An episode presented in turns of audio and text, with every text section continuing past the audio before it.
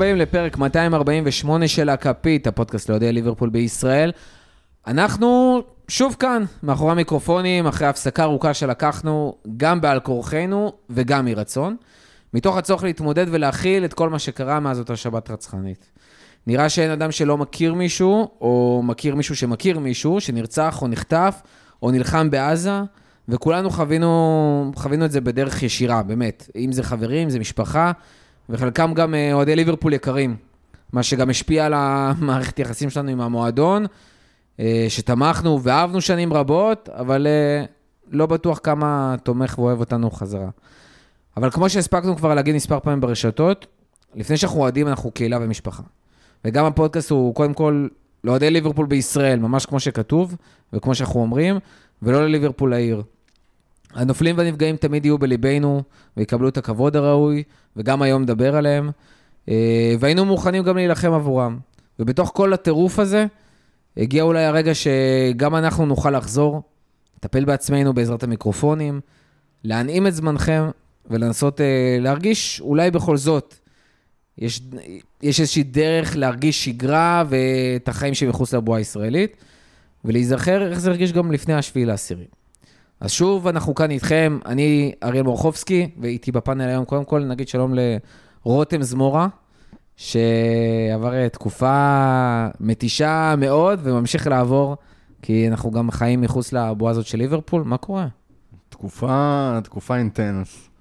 אה, כמו שאמרתי פה לאימא של מנטבר, שאלה אותנו אם... אה, היא אמרה שנכנסנו למשרד, והיא אמרה, טוב, אולי אם אתם חוזרים פה להקליט, אז אה, חזרנו לשגרה, חוזרים קצת לשגרה. אז אמרתי לה שזה שגרה חדשה, שגרה אחרת, וזה גם התחושות לקראת הפרק הזה. אנחנו חג... חגגנו מתישהו במהלך הפגרה הזו שיצאנו אליה, בשני בנובמבר, חמש שנים לפודקאסט. נכון. לא ציינו את זה בשום מקום, וחמש שנים אנחנו מקליטים, ואתה יודע, זה פרק שאף פעם לא הגענו לה, כאילו, תחושות כאלה לקראת פרק. בוא, זה... בוא נגיד שעברנו קורונה תוך כדי, זה גם הוביל אותנו ל-Headstart, שבגללו גם יצאנו מה, מהבינתחומי, מה שם נקרא אוניברסיטת רייכמן. אמ, עברנו פיגוע תוך כדי פרק, או משהו כזה, אה, שגם היה היסטרי. אמ, אבל זה עוד לא היה, וכמו שאתה אומר, זה לגמרי איזושהי שגרה חדשה שצריך כאילו לחיות איתה. שגרה חדשה ואהדה חדשה. גם, אולי. האהדה שלנו היום אה, לא, לא כמו לפני. אהדה שונה. אה, אסף מנטבר, מה קורה? מה קורה זו שאלה... שואלים אותה הרבה. שאלה לא, פסה. זהו, וגם קשה לענות עליה. אתה, לרוב התשובה הקבועה שלי זה בסדר בהתחשב במצב. אז אני אגיד חיים. בסדר, אני, כן, כאילו בסדר בהתחשב במצב, אבל uh, המצב, uh, כמו כל בן אדם במדינה הזאת, הוא יושב ונמצא תמיד, לא משנה כמה מנסים uh, להתנתק, אבל uh, מנסים, וחשוב לנסות. אתה יודע מה זה ממש להתנתק? להתנתק, ממש, זה נגיד לצאת דווקא בתקופה כזאת מהטוויטר, כמו שהדר עשה, והוא עשה את זה אפילו עוד סליחה, לפני סליחה. הסיפור. איקס. מה-X, נכון. אז uh, גם הדר אמיר איתנו. מה קורה? איך אתה בימים אלה? בסדר, עברתי דירה. האמת שאני גר קרוב לגיא, לא דיברנו על זה. אה, באמת? כן, ממש, כאילו... אני לא אחשוף את הכתובות, כי אולי חמאס גם מאזין לפודקאסט, אבל אה, אנחנו ממש קרובים. קרובים, אני קרובים. יכול מהחלון שלי להביט לכיוון הבית שלו, באמת. אז כדי- uh, תתחיל להודיע לי אם יש חניות כשאנחנו uh, מקליטים קרוב, כן, אני כבר אומר. אין. בשעה זו אין. וואי, באמת, אזור נוראי, אבל לא נציין כתובות. אם גיא בכלל אה, יחזור להקליט. כן, כן, קודם כל גיא חזר לראות ליברפול. כן? אה, נגיד שהוא מאוד מעורב בדברים שלא קשורים לליברפול, שהם מאוד אה, מעסיקים אותו ועושה דברים אה, חשובים מאוד. אבל כן, גם גיא יחזור להקליט, ואנחנו מקווה שגם רבים אחרים. ושוב, אנחנו נדבר על זה גם בפרק, אבל יש פה הרבה דיסוננס. זאת אומרת, הרבה שאלות ודילמות. אנחנו רואים מליברפול, לא רואים ליברפול, אנחנו נהנים, לא נהנים, כמה אנחנו נהנים, כמה אנחנו בקשב, כמה אנחנו מרגישים שייכים פתאום, כמה אנחנו מרגישים אוהדים כמו שהיינו אוהדים לפני, ואין מה לעשות, המלחמה הזאת באמת, אה, כל מה שהגיע איתו השפיע עלינו על הרבה דברים מעבר גם לביטחון האישי והביטחון של המדינה. אה, אז אני חושב שגם נתחיל קצת אה, בקטנה להבין מימומה, בעיקר בשביל המאזינים, מה חווינו, זאת אומרת, איפה זה תפס אותנו, איך חווינו את זה. מניח שכל אחד מאיתנו גם חווה את זה אחרת. אנשים, אה, חלקנו הכרנו אנשים באופן אישי שנפגעו, ובשיא, אני חושב ש... אני אספר אפילו מהזווית שלי, אני אתחיל ממני, באותה שבת מקוללת, שנפתחה ב-6 וחצי בבוקר מבחינתי עם, ה...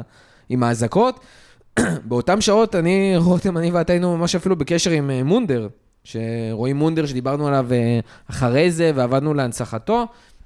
היינו בקשר שממש סיפר לנו מה קורה שם בלייב. אה, אני חושב שזה זה, זה מטורף לחשוב כמה זה התחיל כאילו מה, מהרגע הראשון. אה, וזה תפס לנו מאוד חזק ומאוד מהר. זאת אומרת, אה, איפה הוא, מה הוא, מה, מה עובר עליו, ופתאום, נראה לי אחרי איזה 24 שעות, 48 שעות כבר שמענו הסיפורים על נחטף לח'אן יונס, כל מיני דברים כאלה, ומה שגילינו בדיעבד שלא נכון, לפחות אליו.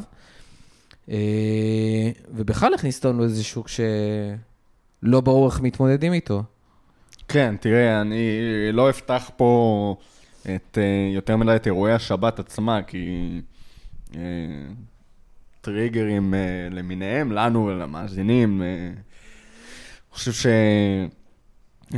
שפתחו את זה ויפתחו את זה עוד מספיק פעמים, אבל כן, אחרי שהתחלנו להבין קצת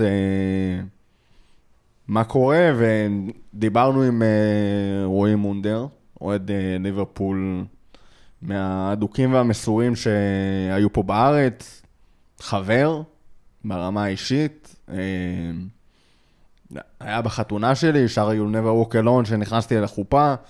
אה, ממש לא מזמן הסתכלתי עוד פעם על הסרט, כאילו, ו... זה היה קשה.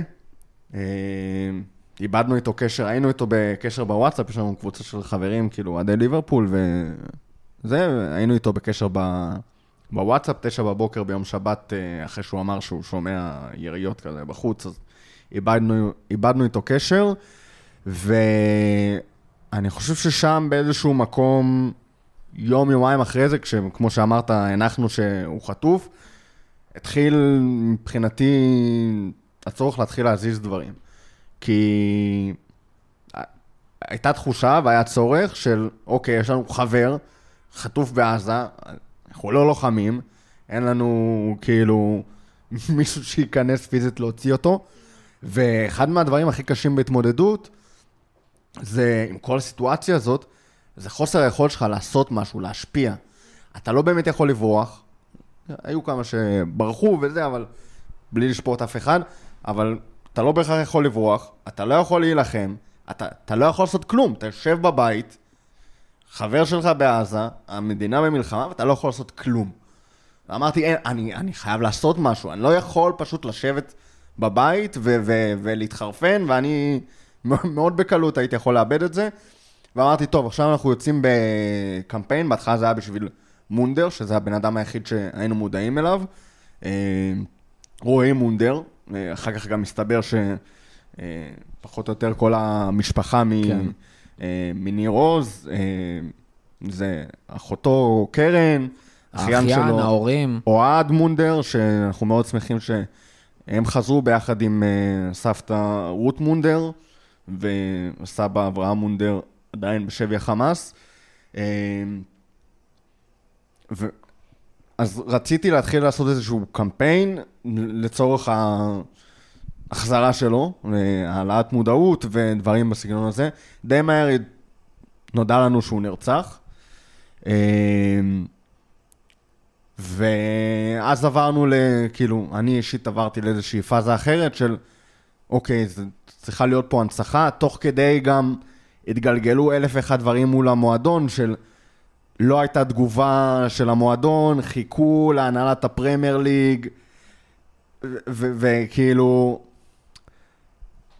מצאתי את עצמי, מרגיש שאני נלחם כאילו בכל העולם. אתה, יצאנו בקמפיין של כל הארגוני האוהדים מול, אה, מול הפרמייר ליג. צריך להגיד, כל החוגי האוהדים הישראלים, כל, גם ה... של...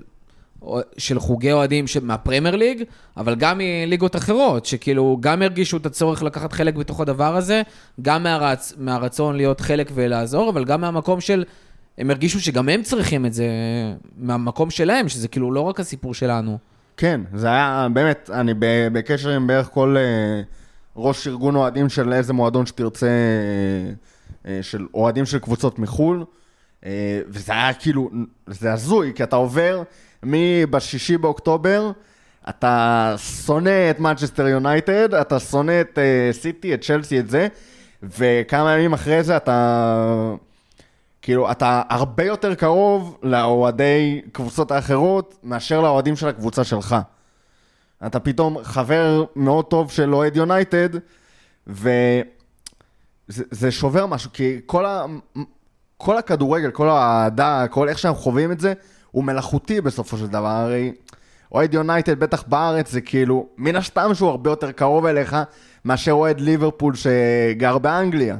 אתה ישראלי, אוהד יונייטד פה בארץ הוא גם ישראלי, גדלתם על אותם דברים, הלכתם לצבא, עשיתם זה, אתם אנשים הרבה יותר קרובים, אבל ביום יום כשהזהות שלכם היא זה אוהד ליברפול וזה אוהד יונייטד, אז יש שם איזושהי חומה כאילו ש... במיוחד כשיש common en- common enemy כאילו כל כך משמעותי וכל כך גדול, אז זה עוד יותר מחבר אה, ומייצר כאילו, מייצר את הקרבה הזאת בין האוהדים. כן, אז בהתחלה, אתה יודע, הקשר הזה, זה לא ש... שמע, יש לי חברים טובים, כן, אוהדי יונייטד, זה לא שזה...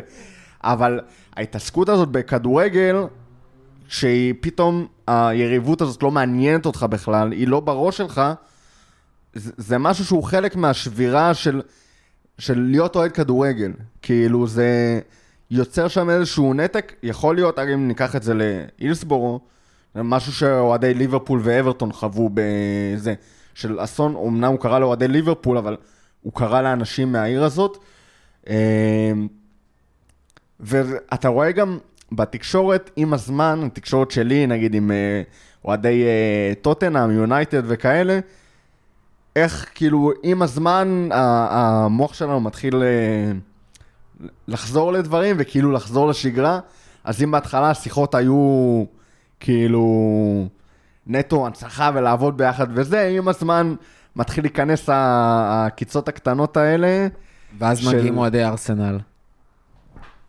או אוהדי טוטנאם, זה היה הכי אוהדי מצחיק. טוטנהאם. כן. אה, דרך אגב, אני רוצה להגיד שנייה, בוא, אני רוצה טיפה להתעכב ולהחזיר. דיברנו על רועי, אבל uh, עם הימים ועם השבועות התגלגלו גם שמות נוספים וסיפורים שונים.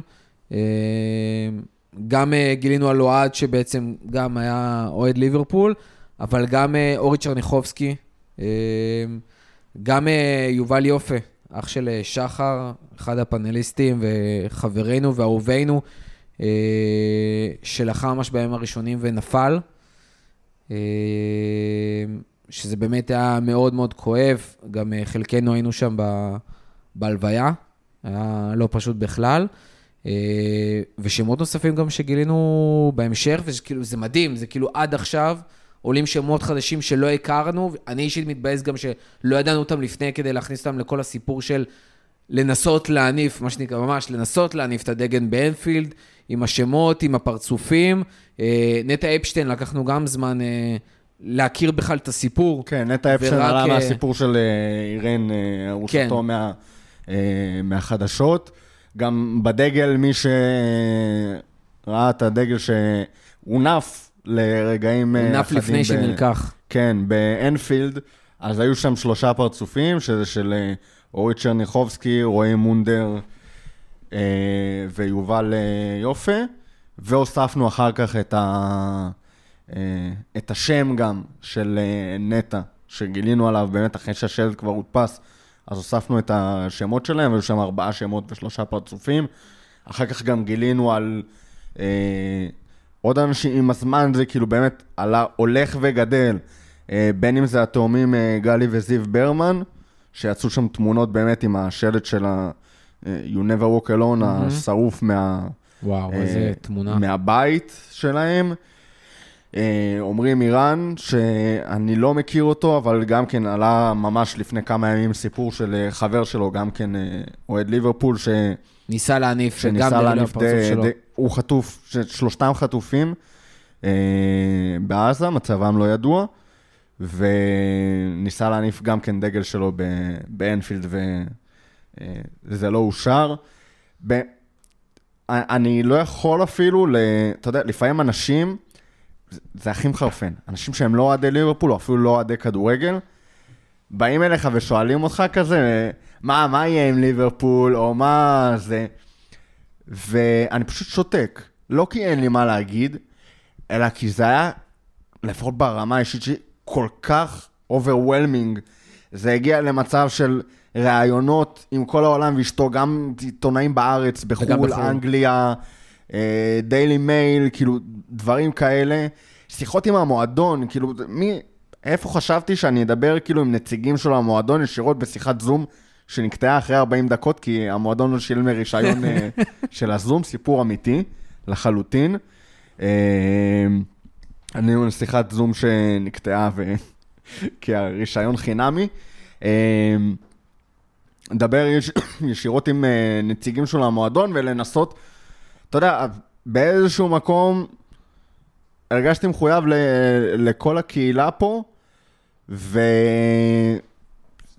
הייתה ההתעסקות שלי במשך איזה שבועיים, שלושה, מסביב למועדון, מסביב לקהילה, לנסות כל כך הרבה דברים במקביל, גם לייצג אנשים שכאילו, את כל הקהילה, גם לעשות פעולת הנצחה, שזה משהו קשה בפני עצמו, אה, ולפעמים אגב אינטרסים סותרים. כי קהילת אוהדים פה הייתה מאוד מיליטנטית ובצדק כלפי המועדון, ומצד שני אתה רוצה להשיג דברים מהמועדון לטובת הנצחה. זה, זה לא משהו שתמיד אפשר לעשות ביחד, כאילו להיכנס, אתה רוצה להיכנס באם אימא של המועדון ובאנשים וזה, ומצד שני אתה רוצה להשיג אה, דברים פרקטיים ביד. כמויות הודעות שקיבלתי, משהו פסיכי לגמרי, ואני מתנצל. כל מי ששלח לי הודעה, ואו שסיננתי אותו, או שעניתי לו בקול ענות חלושה. אי, אי אפשר, כאילו, אה, overwhelming, אין ספק. מכל בחינה. עכשיו, דיברת על הסיפור של הקרע הזה, ואסף, אדר, אני אשמח גם אם אה, תיכנסו לדיון. הסיפור הזה באמת של הקרע הוא סיפור משמעותי, כי יש שם גם את השילוב של המועדון שלא עונה מלכתחילה על כל הסיפור שקרה, כאילו איך יכול להיות שמועדון כזה בכלל לא מגנה או מתייחס, שלא לדבר. אה, הסיפור של סאלח, שזה סיפור אה, בפני עצמו. ואיך אתה בכלל אה, רואה כדורגל, למרות שצריך להגיד שזה נפל ממש בהתחלה על פגרה, אז עוד אה, חס עלינו בשבועיים הראשונים, אבל אחרי זה צריך לחזור לראות כדורגל. כמה אתה עוקב, כמה אתה לא עוקב, כמה אתה מתייחס, אה, איך אתה מרגיש כלפי הדבר הזה, זה קרע משמעותי למשהו שהוא חלק בלתי נפרד מהחיים שלנו ביומיום בסוף. אני חושב שאחד הדברים שהיו לי הכי קשים בימים הראשונים, עם כל התגובה הרפה, ב, ב, בוא נגיד בלשון המעטה של הכדורגל האנגלי, זה, ושל ליברפול בפרט, זה היה כל מיני דברים שאנשים באים ואומרים לך, מה עם ליברפול? אה, אנטישמי, מה? כאילו, ש, שבאים ומתחילים... שמע, זה אה, קורע מבפנים הדבר הזה. לא, אז אני אומר, עזוב קוריאה, זה כאילו, זה הדבר הכי מעצבן גם שיכולים לעשות לך, כי אתה עובר פה משבר. כי אני אגיד שאני, מבחינתי, אה, אהדת ספורט זה הדבר הכי קרוב לאמונה דתית, מבחינתי, ברמה מסוימת שיש לי בחיים, כי אני לא בן אדם דתי או מאמין בשום צורה, אבל אם אני קצת יכול להבין דת בצורה מסוימת, זה כי, כי יש דברים שמזכירים את ה... את, ה, את האהדת ספורט, יש אה, שירים ויש אה, מקום התכנסות שהולכים אליו כדי אה, לסגוד לקבוצה שלך במילים במרכאות, ויש לך כל מיני טקסים וריטואלים וחגים, משחקים גדולים, ו, וזה משבר, ו, וזה, לא, וזה מה שחרוט בך, כשאתה אוהד קבוצה, זה חוזה שנחתם, לא משהו פשוט. יש אנשים אולי שאוהדים בפשטות או ברדידות מסוימת, אבל אה, אצלי לפחות עם השתי קבוצות של, שאני אוהד, אה, זה, זה חוזה שחתום מגיל מאוד צעיר, ו, והוא חלק עצום ממני. אני, כאילו, אחד הדברים, לא, זה לא הדבר היחיד שמגדיר אותי, אבל אחד הדברים שהם ב-DNA שלי זה שאני אוהד ליברפול ואוהד הפועל תל אביב. כאילו, זה, זה חלק עצום מהחיים שלי. ולבוא עכשיו, ואתה יודע, כל הטיזינג הזה על מה, ליברפול אנטישמי, זה כאילו, אני בכלל אפילו לא שם. אני לא שם במקום של... אה, של אנטישמים, לא אנטישמים, זה היה שוק ומשבר זהות ומשבר אה, אמון עצום. אני נתק, אני הורדתי עוקב לכל החשבונות של ליברפול בכל רשת חברתית. אני הורדתי עוקב לכל כתב על ליברפול. אני הורדתי עוקב כמעט לכל דבר שקשור. אני נתקתי, היה נתק מוחלט ביני לבין כי ליברפול. רצית לא להיחשף, כי רצית לא להיות כי מזוהה עם הדבר הזה הרגשתי תוך כדי. שאני צריך שקט. לתקופה מסוימת, אני, אני לא יכול להכיל את כל מה שקורה, אפילו לא דיברתי על זה, פשוט התנתקתי. לא ראיתי משחקים, בחיים לא הייתי, לא היה מצב שהייתי מפספס משחקים בצורה סיטונאית כמו שהייתי מפספס אה, בחודש הראשון של המלחמה, אפילו חודש, חודש וחצי. כי השוק וההלם וה, והמתח הזה בין היותי ישראלי לבין היותי אוהד ליברפול, שזה שני דברים שלא אמורים להתנגש בכלל, שזה גם עצבן אותי, זה לא הוגן, למה בגלל שאני ישראלי אני צריך שהאהדה שלי לליברפול תידפק? זה, זה לא אשמתי, וזה לא הוגן. ו, ומן הסתם גם התגובות של אנשים מבחוץ על המועדון, ו, וההתייחסות של המועדון, וכל הסיפור עם השלט, ו, ופתאום אתה לא יודע, כי אני לא יכול להפסיק לאהוב קבוצה. זה, זה כבר טבוע בי כל כך הרבה, זה לא משהו פשוט, זה לא אהבה רדודה. אה, זה חלק ממני. אה, אז אה, זה היה משבר, זה עדיין משבר, אבל אני חושב שהשלב הראשון שבו הרגשתי שאני מתחיל קצת להמשיך הלאה, או להתחיל להתגבר או להתמודד עם זה, זה היה אה, כש... א', הסיפור עם השלט, הסיפור עם התוכניה, הפעילות האדירה של רותם וסער, שלא פה, אבל אה, אה, אני יודע שגם עשה המון המון המון המון בשביל אה, לנסות להביא קצת קצת צדק לתוך כל הסיפור הזה. אה, אבל הרגע הראשון, שבעצם המשחק ליברפול הראשון שראיתי מאז השביעי באוקטובר, היה אה? אצל ברבירו, נגד סיטי. מוקף באנשים שאני אוהב, ואוהדי ליברפול ישראלים שעוברים בדיוק אותו דבר, וזו הייתה הפעם הראשונה שבאמת הצלחתי להיות בתוך משחק ולראות משחק מההתחלה ועד הסוף. עד אז טיפה אולי זיבזבתי, אבל לא באמת עקבתי. ואני אישית יכול להגיד שעדיין לא החזרתי עוקב לליברפול ברשתות החברתיות, אבל אני כן צופה במשחקים, ואני כן עוקב, ואני כן מתלהב, ובשבת אה, גם ראיתי את המשחק אצל ברבירו נגד פאלאס, ובגולים קפצתי ושמחתי, ו- ופתאום קצת הרגש הזה חזר, אבל זה עדיין לא שלם כמו שזה היה קודם. ויכול להיות שזה לא יחזור, ויכול להיות שזה יחזור בצורה אחרת, אבל uh, זו תקופה מאוד מאוד מורכבת ל- לכולנו. אדר? אני, אין לי יותר מדי מה להוסיף, אני מאוד מסכים עם כל מה שאמרת. כאילו, מבחינתי, אני חושב שאני מדבר בשם כולנו וכל מי שנפל ונחטף ונרצח. יש משהו שאתה מספר על עצמך, אפילו ברמת הראיון עבודה, או שאתה מכיר את עצמך לאיזה בן אדם חדש, שכאילו, אה, כן, זה אסף, הוא אוהד ליברפול. כאילו, זה חלק מהאופי ברמה היומיומית, ולא סתם העניין של הרשתות חברתיות, גם מבחינתי זה איזה משהו שלאחרונה חזרתי אליו, גם רק למועדון, עוד לא לשחקנים. יש בו משהו, זה כאילו, אתה עוקב אחרי זה ביום-יום ברמה... חייב להודות שאנחנו ספציפית אפילו קצת אובססיבית. כאילו, לפחות עד השבעי מאוד. אובססיבית. יש לנו פודקאסט כן, רב חמש שנים על על מה. זה פודקאסט? פודקאסט, היה לנו פעמיים בשבוע ברמה כזאתי, בתקופות שהן לא תקופות שיא בהכרח של, אתה יודע, לרוץ אחרי אליפות כמו עונה שעברה. או העונה.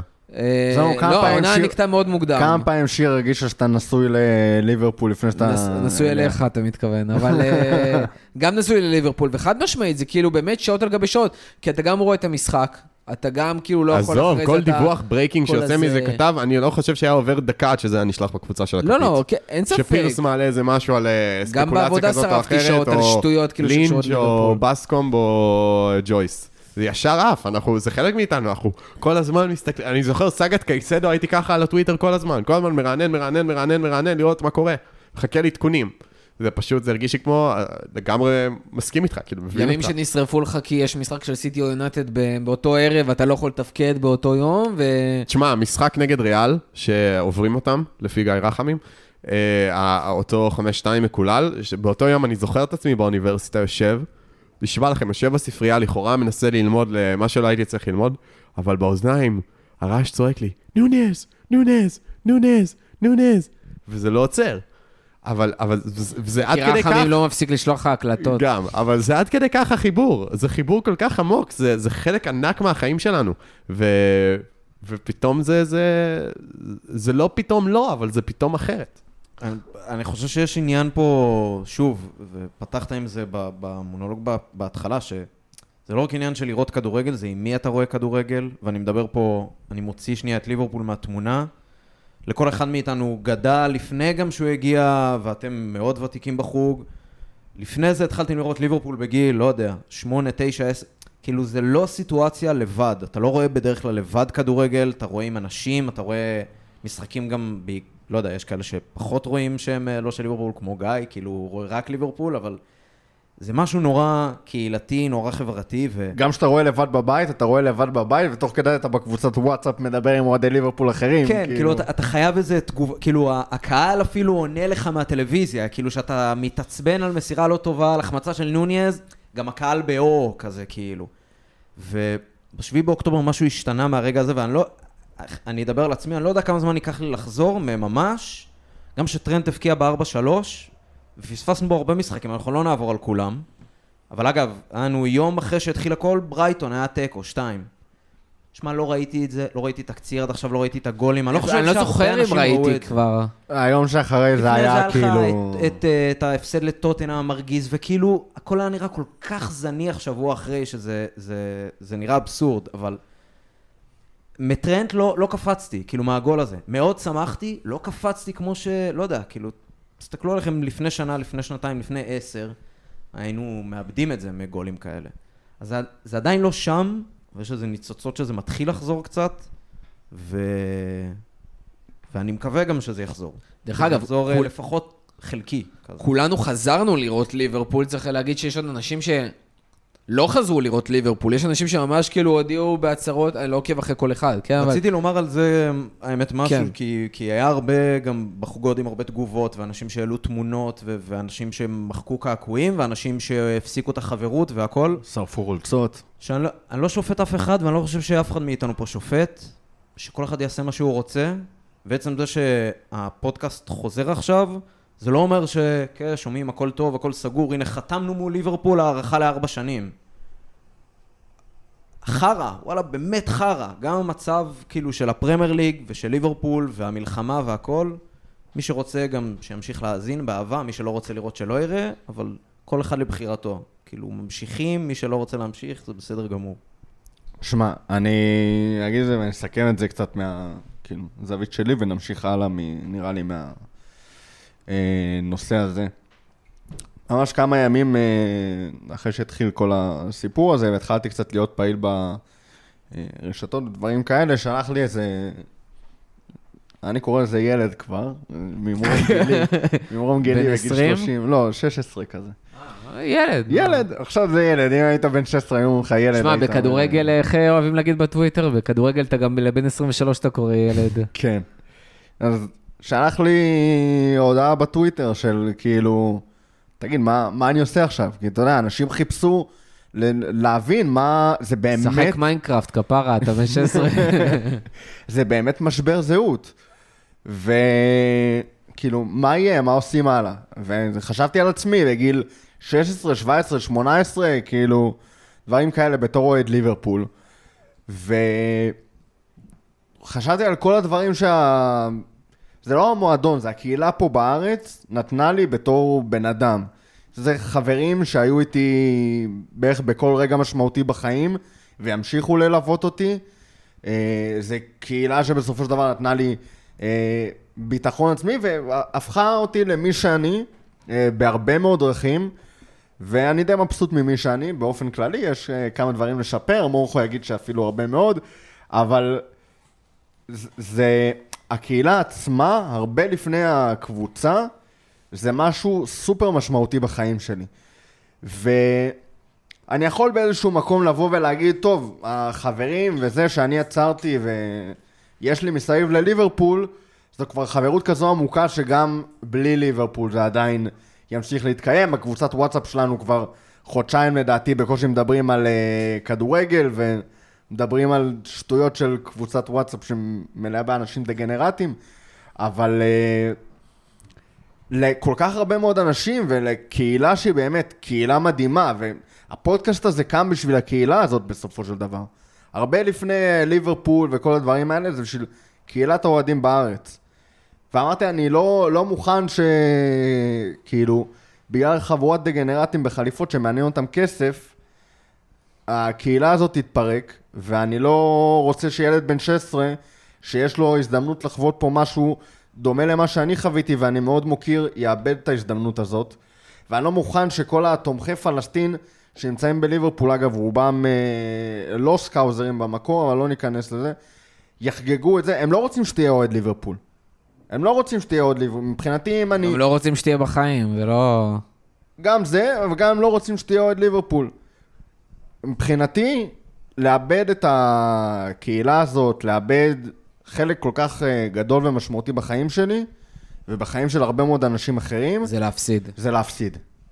ואני לא מוכן לא להפסיד את הקהילה הזאת, ולא להפסיד את ה... משהו כל כך משמעותי בחיים שלי, גם אם יש אנשים שהיו רוצים שזה יקרה, וגם אם יש אנשים שאני לא מעניין אותם. אה, אני לא רואה את זה בתור איזושהי... שאנשים קוראים לזה התרפסות, או זה, דיברתי עם אנשים מהמועדון, הבנתי טוב מאוד מה קורה שם.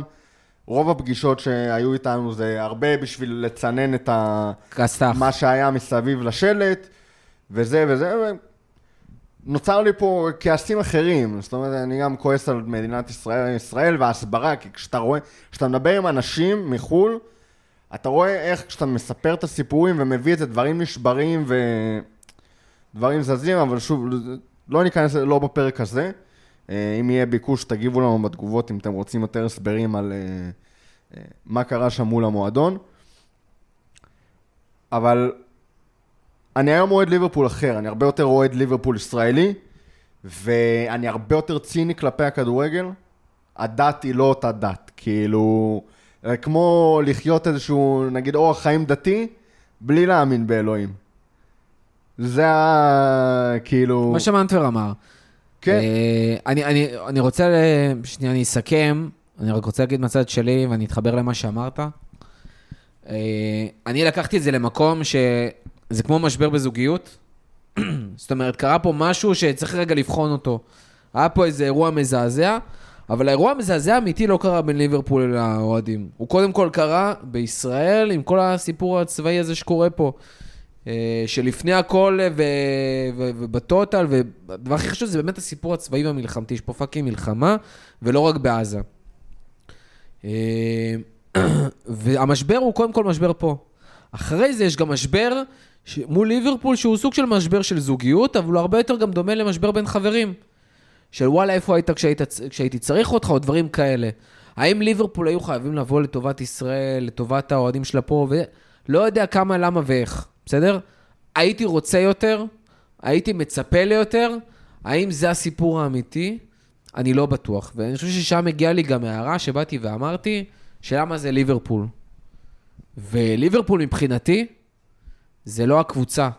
ליברפול זה לא המאמן, ליברפול זה לא השחקנים, וליברפול זה גם לא ההנהלה. ליברפול זה הרוח שסביב המועדון הזה כבר מעל 125 שנים, תכף 130 אני לא טועה. זה, ליברפול, בסדר? הערכים, הדברים האלה שמניעים אותנו, הדברים שהתאהבנו בהם, רק שגם התאהבנו בסטיבי ובתורס, וכל מי שהתאהב לפני זה, גם בזה שלא נזכיר את שמו, ובפאולר ובבארנס ובדלגליש, הם לא התאהבו בשחקן כמו שהם התאהבו במועדון. ואלה שאיתנו עד היום ונשארו אוהדים ולא ראו ונהנו מהקבוצה חמש שנים והלכו. אני חושב שנהנו ב... ב... הם התחברו לערכים של המועדון. וכמו שחקנים, בעלים ילכו, גם חלק מהאוהדים ילכו, הכל בא והולך, בסדר? אז כרגע יש איזושהי תקופה של צינון, וכמו שהדר אמר, גם אני חווה את זה, שאתה רואה, אבל אתה לא יכול ליהנות עד הסוף. אני יכול להגיד, אפילו במשחק האחרון מול פאלאס, בשער הראשון אני כאילו, זה לא הזיז לי בכלל, בשער השני קפצתי, וקפצתי כי זה אליוט. לא כי זה כאילו, כי ליברפול הפקיע... היה שם משהו אחר. שהרעיד אותי. ובשאר המשחקים זה משהו שכאילו, אני הייתי אדיש לחלוטין. מלא שערים שהייתי אדיש לגמרי, שיר כאילו אומרת לי, רגע, איך כבר איזה, לא יודע, 3-0, כאילו, לא שמעתי יש אחד. איך זה יכול להיות? אמרתי לה, כי כאילו, אין, לא מסוגל.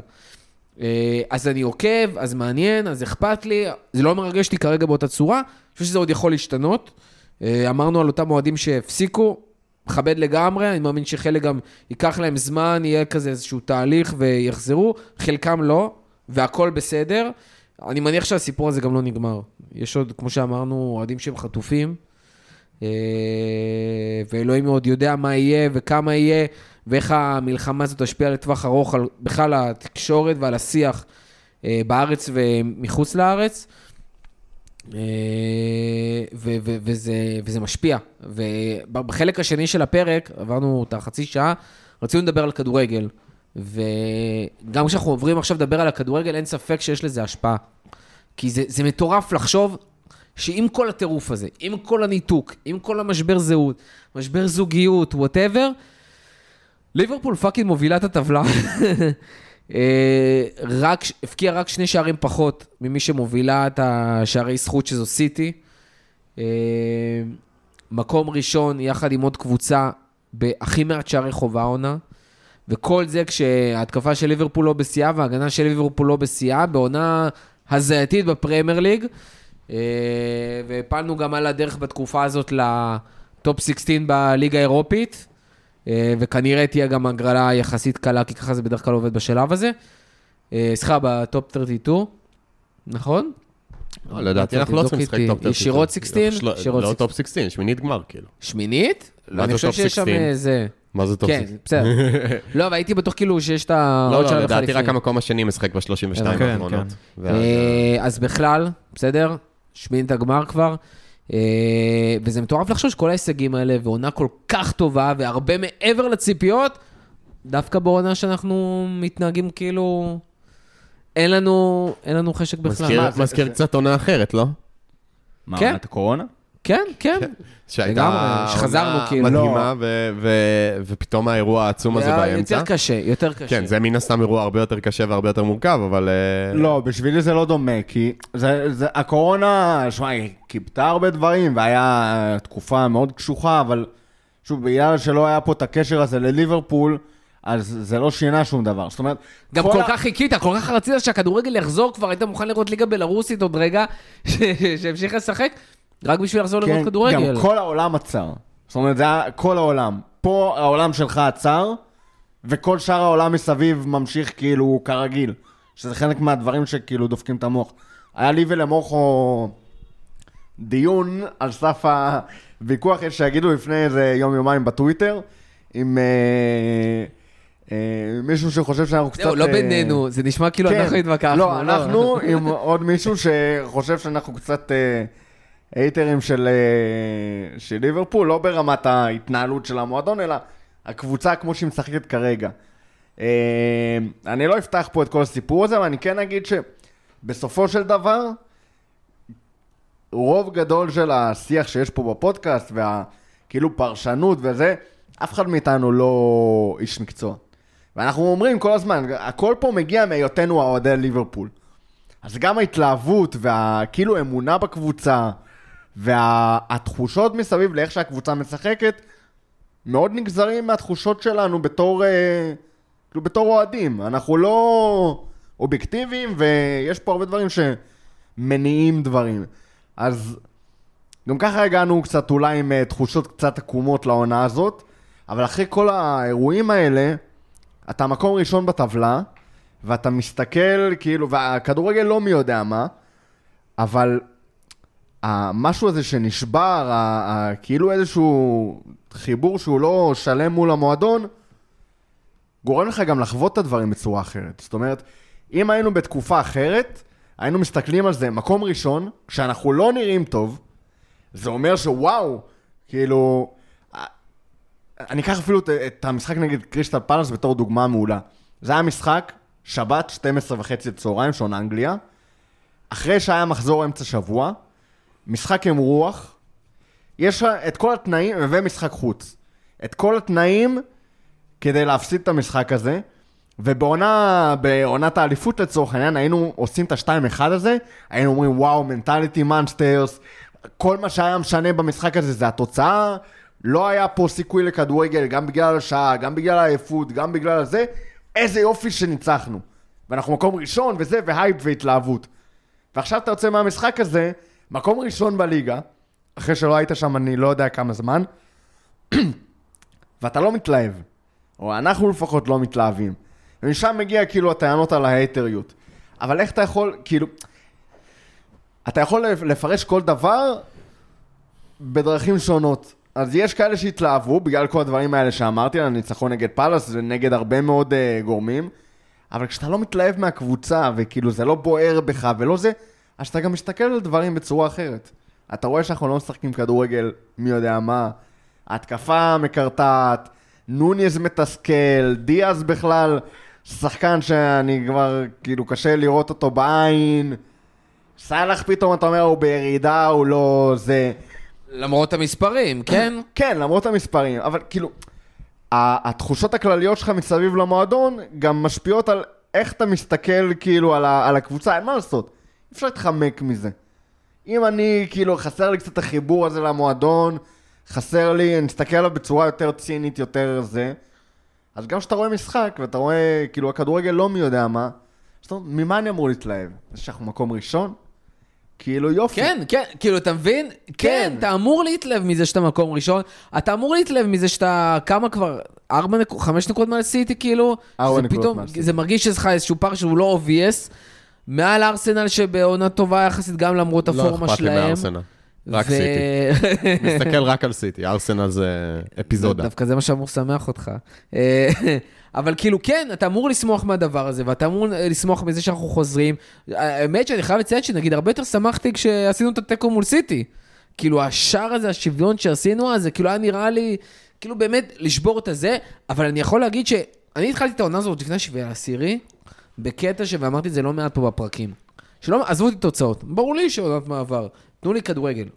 אני רוצה בדיוק. אחרי העונה הקודמת ליהנות מכדורגל, אני רוצה כיף, אני רוצה אנרגיות, אני רוצה טירוף, ובתחילת העונה לקח זמן, ואז אמרנו, וואי, מקליסטר, אה, סובוסליי, כאילו בואנה מביאים כדורגל פתאום, כל מיני דברים כאלה שחזרו, ודרווין פתח יחסית טוב את העונה, היה לך כיף. אבל עם השביעי לעשירי מעבר לזה, גם היו כמה משחקים לאחרונה, שגם לא היה כדורגל להיט. סיטי היית בינוני, ווואלה, לא הגיע לך להוציא שם בכלל נקודות. אה, ומול קריסטל פאלאס, את נראית מול עשרה שחקנים כמו מול 11 שחקנים. לוטון. ולוטון, ו... כאילו, אתה אומר, בוא'נה, זה דברים, כאילו, זה, זה, זה מתסכל אותך, ואתה אומר, עזבו אותי תוצאות, קוסומו, אני, אני כבר רואה את ליברפול. כבר השלמתי עם החרא הזה ש- שאני שוחה בו. לפחות תן לי ליהנות מהדבר הזה. ויש אנשים שבאמת נהנים מהתוצאה כדי להגיד, הנה ניצחנו והנה הולכים לקחת אליפות וזה. אבל וואלה, באמת של החיים, אפרופו כל ההבנה של אה, מה באמת חשוב בחיים, זה מה שחשוב לי. חשוב לי ליהנות תוך כדי משחק, חשוב לי לראות שערים, חשוב לי להראות שאנחנו עושים את זה כי, אנחנו, כי זה מה שרצינו לעשות ולא כי יש פוקסים. ו- ולעבור את ה-90 האלה דקות בכיף, ולא בטלפון, כי המשחק משעמם מוות, סורי, כאילו. כן, זה, זה- בסוף כדורגל, זה לא? מה שאתה מחפש, את מה שיעליב אותך ומה שינתק אותך. לא... ודיברנו על זה גם בתקופות יותר טובות של ליברפול. בסופו של דבר, אתה פה בשביל המשחק ובשביל הדרך, הרבה לפני שאתה פה בשביל לחגוג את האליפות. כי מה זה לחגוג אליפות? זה רגע אחד שאתה חוגג, וזהו, כאילו אתה בהיי יום, יומיים, שבוע, ונגמר, ואתה כבר מתכונן לעונה הבאה, ומה יהיה... בראש שלך, אתה כבר עברת את זה, סבבה, אתה נהנה קצת מבנטר ב... ברשת, וזה, אנחנו אלופי אנגליה וזה... אבל הרגע של החגיגה של, של האליפות הוא רגע. יש הרבה יותר רגעים במהלך העונה שאתה נהנה מהכדורגל, אין ספק. ואתה נהנה מהדרך, ואתה נהנה מזה. אבל אני חושב שהאליפות צובעת את הרגעים האלה כשאתה מסתכל עליהם בפרספקטיבה, רטרוספקטיבה, בצבע אחר. לפחות אני יכול להגיד לך, שאם לא היינו זוכים בליגת האלופות, אני לא חושב שהייתי רואה את קורנר טייקן קוויקלי בערך כל יום במשך ברור ש- שנה וחצי. ברור אין שיש ספק. לזה משמעות. אבל אתה מסכים איתי שאם אתה לוקח השנה נגיד אליפות, זה עם אימא של העונה עם כוכבית, הרבה יותר מקורונה שמורונה כל הסיפורים, כי אתה אומר, פאק, לקחתי אליפות, אבל כל העונה הזאתי, הרגשתי ח... לפחות חצי מנותק רגשית. אה, אם אתה מדבר הזה. לא. אה, אני- אם אתם מדברים על זה זה, אז העונה חד הכי משמעית. חרבנה בוא- לקחת בוא באליפות. נגיד חד שאנחנו משמעית, עושים חשבתי עכשיו- דיברת נטו על הכדורגל. שמע, מה ש... אני אשאל אותך ככה, מה שאתה מחפש, אה, או אתכם, גם אה, הדר צריך אה, לדבר פה מדי פעם, נחבא אל הכלים. מה, מה אתה מחפש עכשיו? כאילו, נגיד אני... התסריט האידיאלי להמשך העונה. לא יודע אם האידיאלי, אבל זה. לקחת אליפות, כשכל העונה הסרחת את הדשא, וזה אליפות סטייל לסטר, עם כל הכבוד שאתה ליברפול, כי כל שאר היריבות נראות על הפנים, אבל היית, אתה היית טיפה פחות על הפנים, או לבוא לראות פה ליברפול שתלהיב אותך ו- ותגיע לעונה הבאה ותגיד, אני יכול לשים כמה דברים מאחוריי, ו- אבל אני, אני בא ליהנות אני אגיד לך מהכדורגל. מה, אני מרגיש שאתה רואה את זה מאוד במין מונוכרום כזה, זה לא שחור ולבן. אני, אני, האמת שלא הייתי פה מאז, אבל הייתי באנפילד העונה, שזה נשמע, מרגיש לפני שנים, אבל uh, במשחק נגד וסטאם אני הייתי באנפילד, פשוט מאז לא הייתי בפרק, כי לא היו כמעט פרקים מאז. Uh, אמ, אבל ליברפול שראיתי לפחות באותו משחק, וכשאתה חווה את זה במגרש, זה, זה אחרת מלחוות את זה מהטלוויזיה, אה, וזה מה שיצא לי להבין בביקורים שלי באנפילד. הליברפול הזאת היא לא ליברפול אפורה, והיא לא ליברפול אה, אה, משעממת. אני חושב שהיא קבוצת כדורגל, ואני חושב שכל זה עונת... לא קבוצה של מוריניו. לא, אבל... אבל אני חושב שכל הסיפור השנה של הפרמייר ליג המוזרה הזאת, היא שנכנסה למין תקופת מעבר אחרי עידן הטיטנים של ליברפול וסיטי, שהיו קבוצות של 90 פלוס נקודות שפשוט רוצחות משחקים בלי הפסקה. פתאום סיטי אולי קצת שבעים, וכבר, אתה יודע, שלוש אליפויות רצוף, וליגת אלופות, וטראבל, יכול להיות שכבר המוטיבציה כבר פחות גבוהה, וחלק מהפרסונל שהיה שם מאוד משמעותי, כמו גונדואן, או, או דוד סילבה שעוד עזב בזמנו, קומפני, כל מיני כאלה כבר עזבו, ופתאום מרגיש שאין שם מי שיחזיק אותם קצת על הקצה כזה, גם גוורדיולה, אתה יודע. וארסנל, שהיא קבוצה חביבה לאח... לגמרי, אבל עדיין לא בשיא שלה, יש שם הרבה חבר'ה צעירים, ואני אישית לא תופס מהם עדיין, אני חושב שיש להם הרבה עמדות שהם בינוניים בהם. פתאום, זה, נגיד, ארסנל זו לא הייתה קבוצה שרצה לאליפות ב-18-19, או 19-20, או 21-22. אני מכיר אותך יותר. נהנית, נהנית מכדורגל בחודשיים האחרונים? בחודשיים- מאיזשהו רגע בכדורגל. כן. מתי? מה? א', זה, זה כנראה השערים של טרנט, ורבים. השער נגד סיטי, מאוד נהניתי ממנו. השערים שלו נגד פולאם, כולל האחד שנגנב ממנו, אה, בצדק, אבל נגנב. אה, הבעיטה החופשית, תשמע. וה, והשער בדקה ה-87, המהפך ב-86-87, האם קפצתי כמו שהייתי קופץ עידן טרום אה, חרבות ברזל?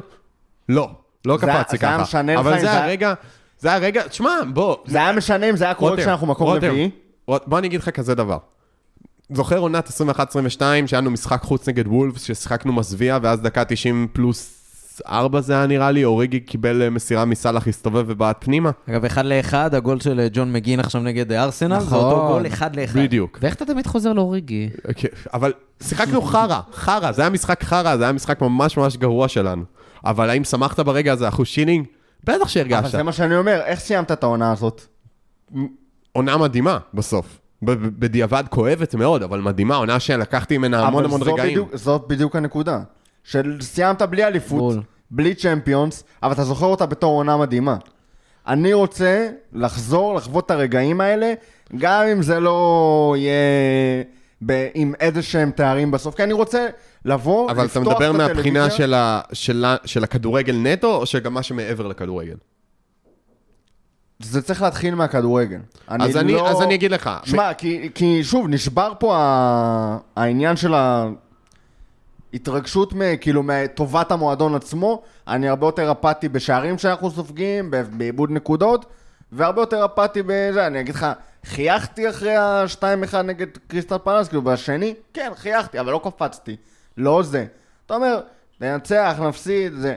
יש רגעים במשחק שיכולים לתפוס אותך. פתאום השער המטורף של uh, מקליסטר, פתאום uh, סובו מניף את הימנית שלו, uh, כאילו, דברים בסגנון הזה. אימא'לה, איך לא עשינו פרק אחרי הגול של מקליסטר? אימא'לה. דברים כאלה. פחות השורה התחתונה, כאילו, של הנקודות. אני עכשיו לא, לא מגיע לפרק מבסוט מזה שאנחנו מקום ראשון. שער של טרנט, שער אתה ניצחון. מגיע לפרק מבסוט כי אתה רואה אותי, זה ה... גם. בוא תגיד את האמת. אה, בתכלס, להקליט עם אה, עוד חברים, אוהדי ליברפול, בשביל הרבה זה יותר אנחנו כיף פה. מאשר, אה, כאילו...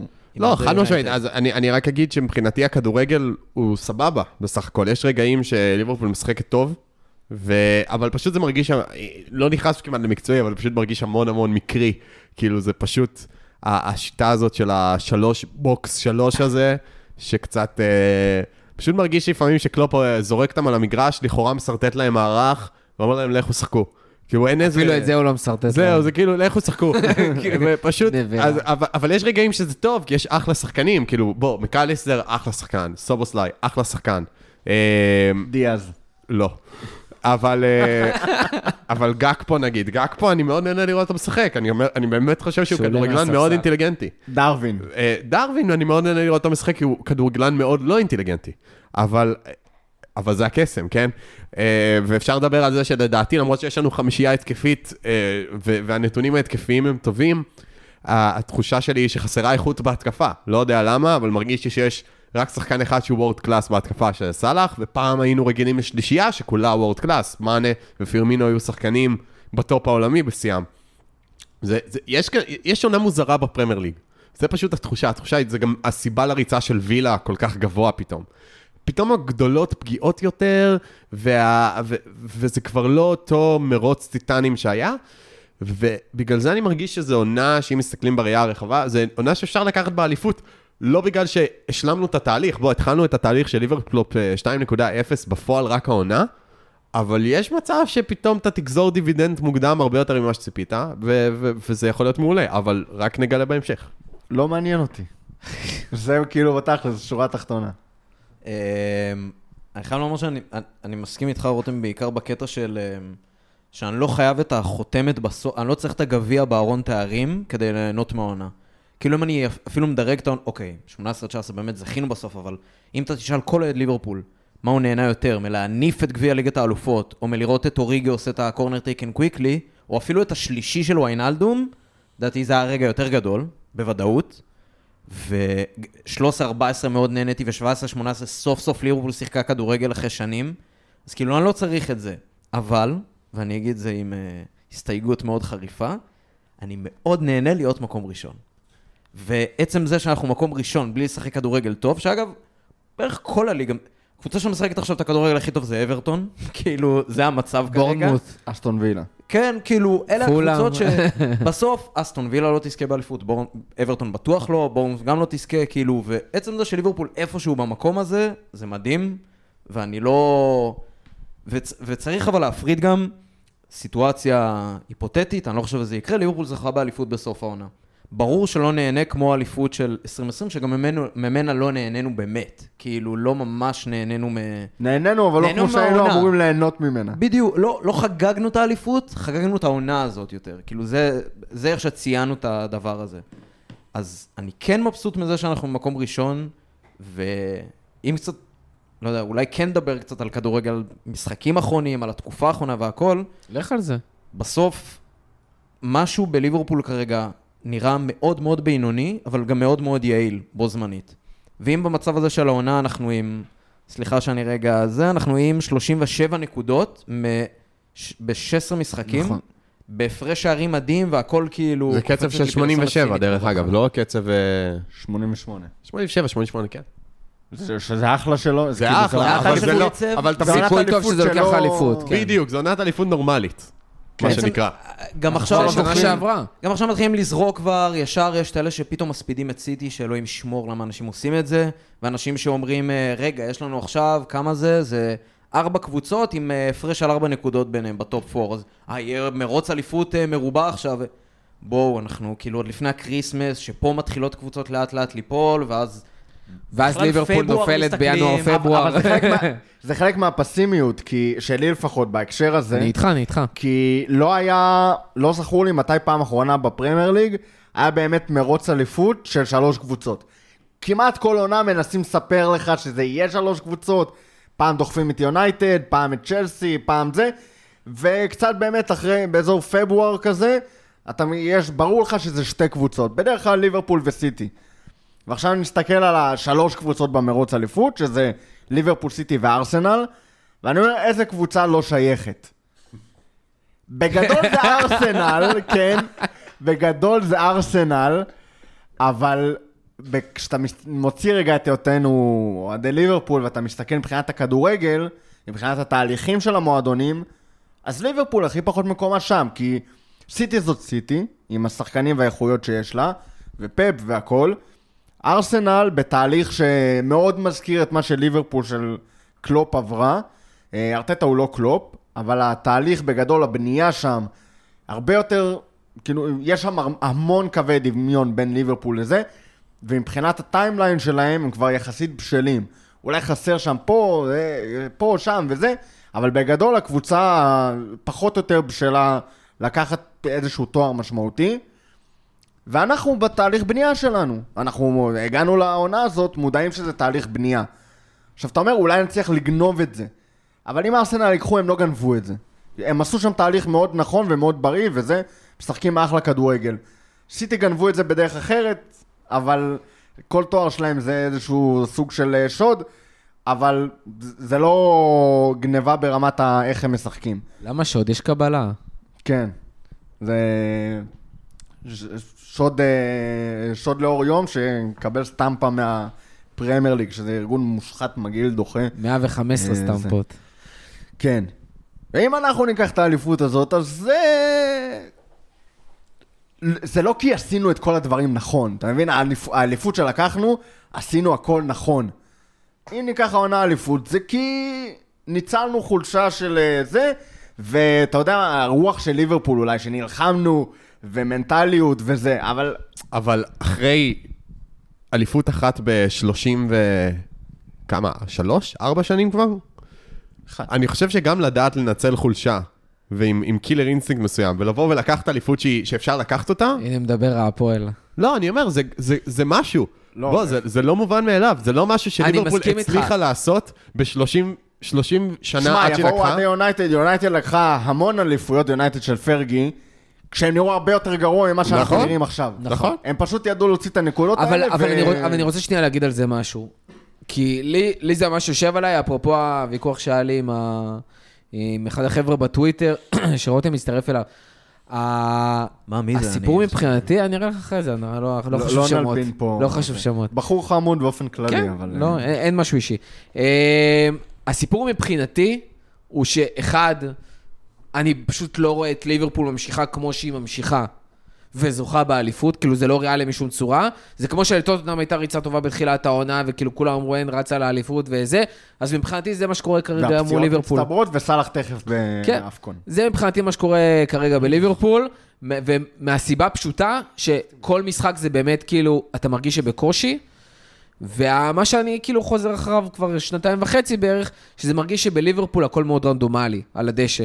זאת אומרת, אין שיטה, מאוד מסו... אין שיטה מספיק מסודרת, זה לא מספיק מאורגן, זה כאילו קלופ אומר להם, קחו כדור, צחקו כזה, אה, זורקים יותר מדי כדורים קדימה, וזה פשוט סגנון שמצד אחד הוא מאוד נחמד וכיפי, והוא מזכיר קצת את ליברפול כשקלופ רק הגיע, מצד שני זה משהו שלא באמת אפשר לרוץ איתו ל... אה, לתארים, ועל הדרך אני גם לא באמת מצליח ליהנות מהדבר הזה. אז אני כאילו גם פסימי לגבי הסיכויים שלנו, וגם אני לא נהנה מה... מהדרך שבה אנחנו משחקים. אה, וזה מרגיש לי כאילו זה משהו שכזה עובר. זאת אומרת, זה לא מצליח לה להעיב אותי באמת. וזה שלי אישית, שוב. ואיך שאני רואה כדורגל ומה הייתי רוצה לראות מהקבוצה הזאת. פשוט מרגיש לי שקלופ עושה משהו שאני פחות נהנה ממנו. עכשיו, זה, מצד שני, זה לא מרגיש לי שאנחנו אנדרדוגס.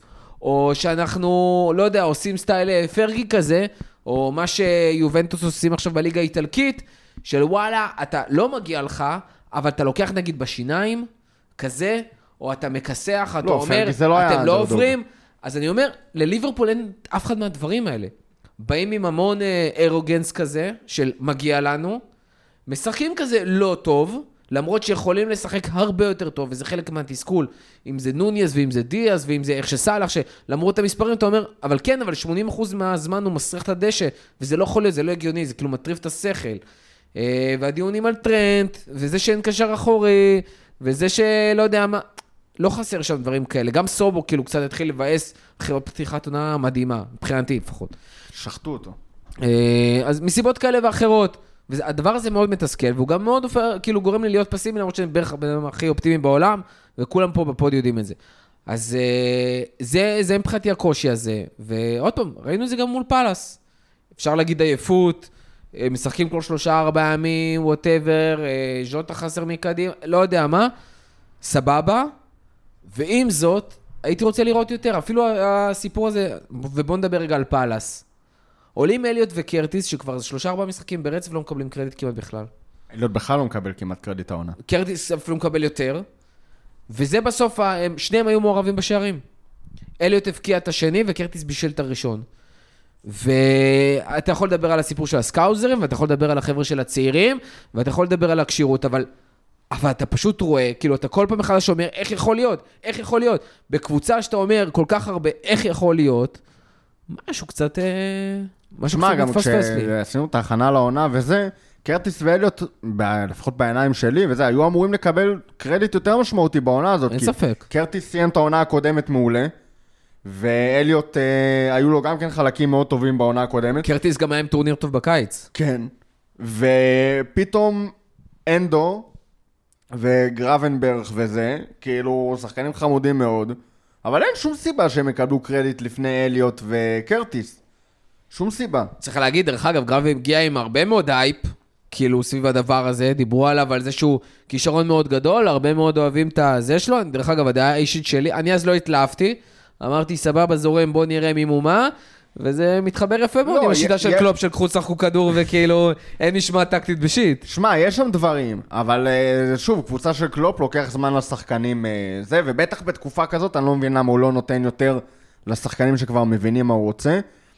יש משהו סופר משמעותי מבחינתי, שכאילו חשבתי עליו בימים, ה... או בשעות האחרונות בהקשר הזה של, אה, של ליברפול, ו- ומה קורה ולמה הקבוצה לא נראית מאומנת. אם לפני אה, שנה, שנתיים, זה, זו הייתה, לא אגיד הקבוצה של סאלח, אבל סאלח היה כאילו הסופרסטאר הזה, עכשיו זה הקבוצה של טרנט. טרנט זה השחקן הכי משמעותי בקבוצה שלך. לא סובו, לא סאלח, כאילו, סאלח מפקיע את השערים, אבל זה לא הקבוצה של סאלח. הם לא משחקים על סאלח, סאלח תקוע באגף, ברוב הפעמים, לפעמים הוא מבקיע, לפעמים הוא מבשל, אבל שיטת המשחק היא לא בשביל לייצר לסאלח מצבים, או כאילו לעשות משהו מסביב לסאלח. שיטת המשחק, או ה play, וגם ה playmaker העיקרי שלך, והכל, זה טרנט. טרנט הגורם הכי משמעותי בקבוצה הזאת, והוא היחיד, אם תיקח אליפות, זה השחקן היחיד שהוא באמת Game Changer ברמת ה... בוא נגיד, משהו שאין ל... לארסנל, בעיניי.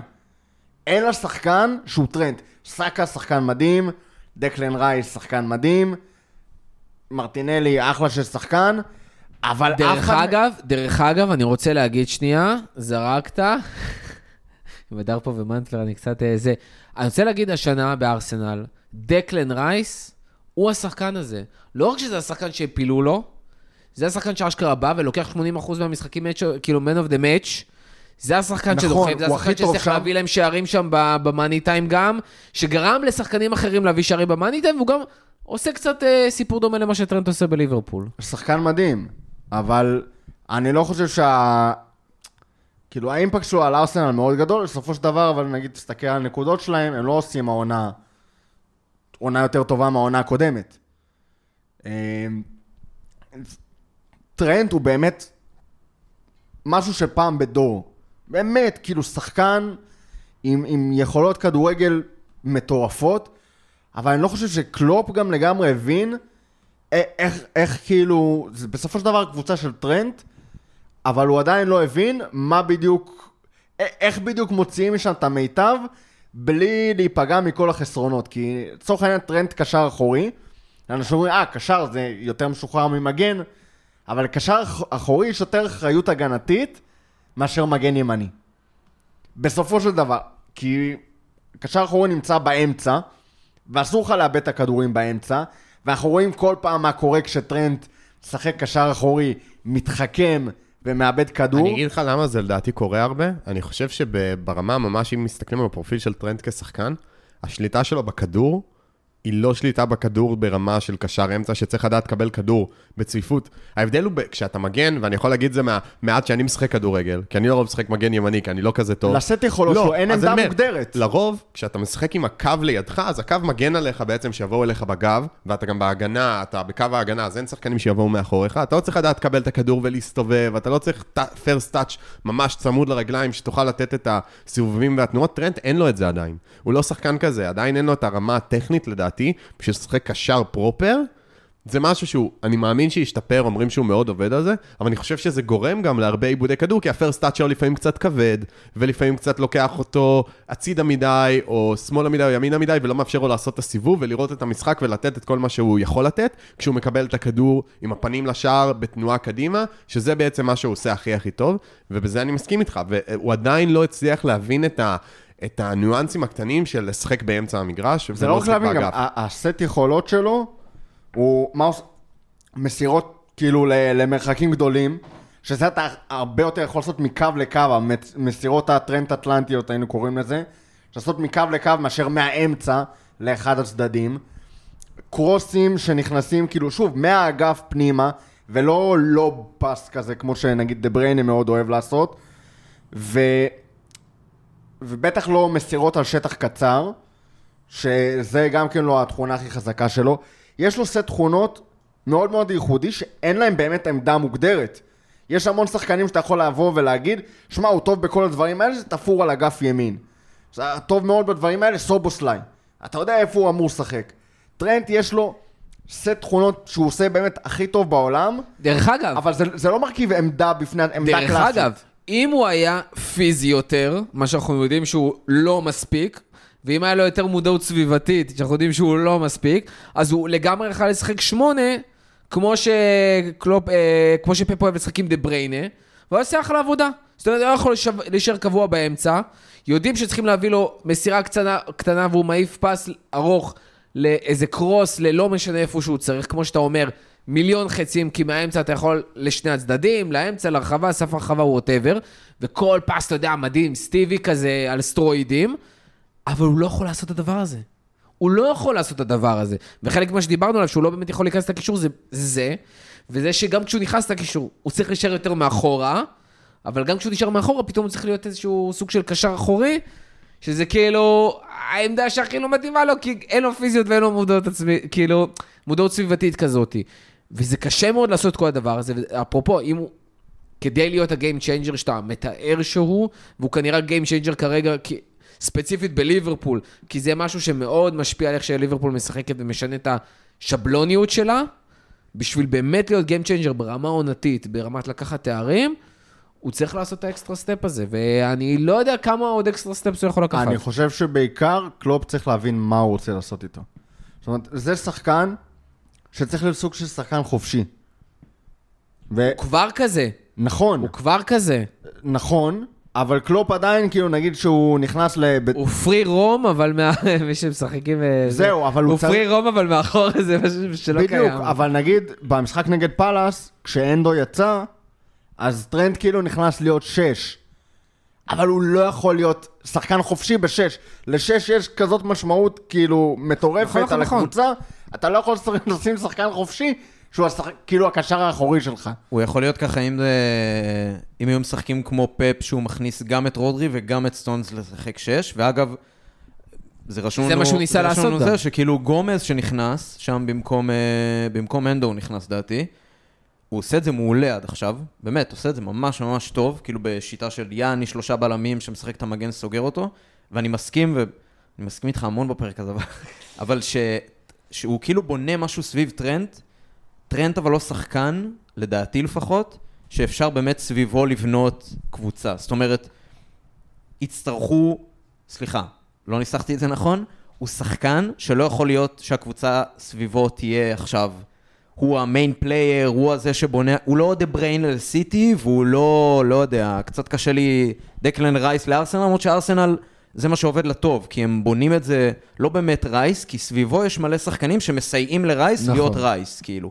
טרנט כרגע, אין לו את מי שיעזור להיות טרנט כמו שצריך. כאילו, צריך שמקליסטר יהיה בשיא, וצריך שסובוסלה יהיה בשיא, וצריך שמי שסוגר אותו בצד ימין שכרגע זה גומז יהיה בשיא, וגם סאלח או מי שיהיה המחליף שלו אחרי שנמכור אותו ב-200 מיליון בקיץ.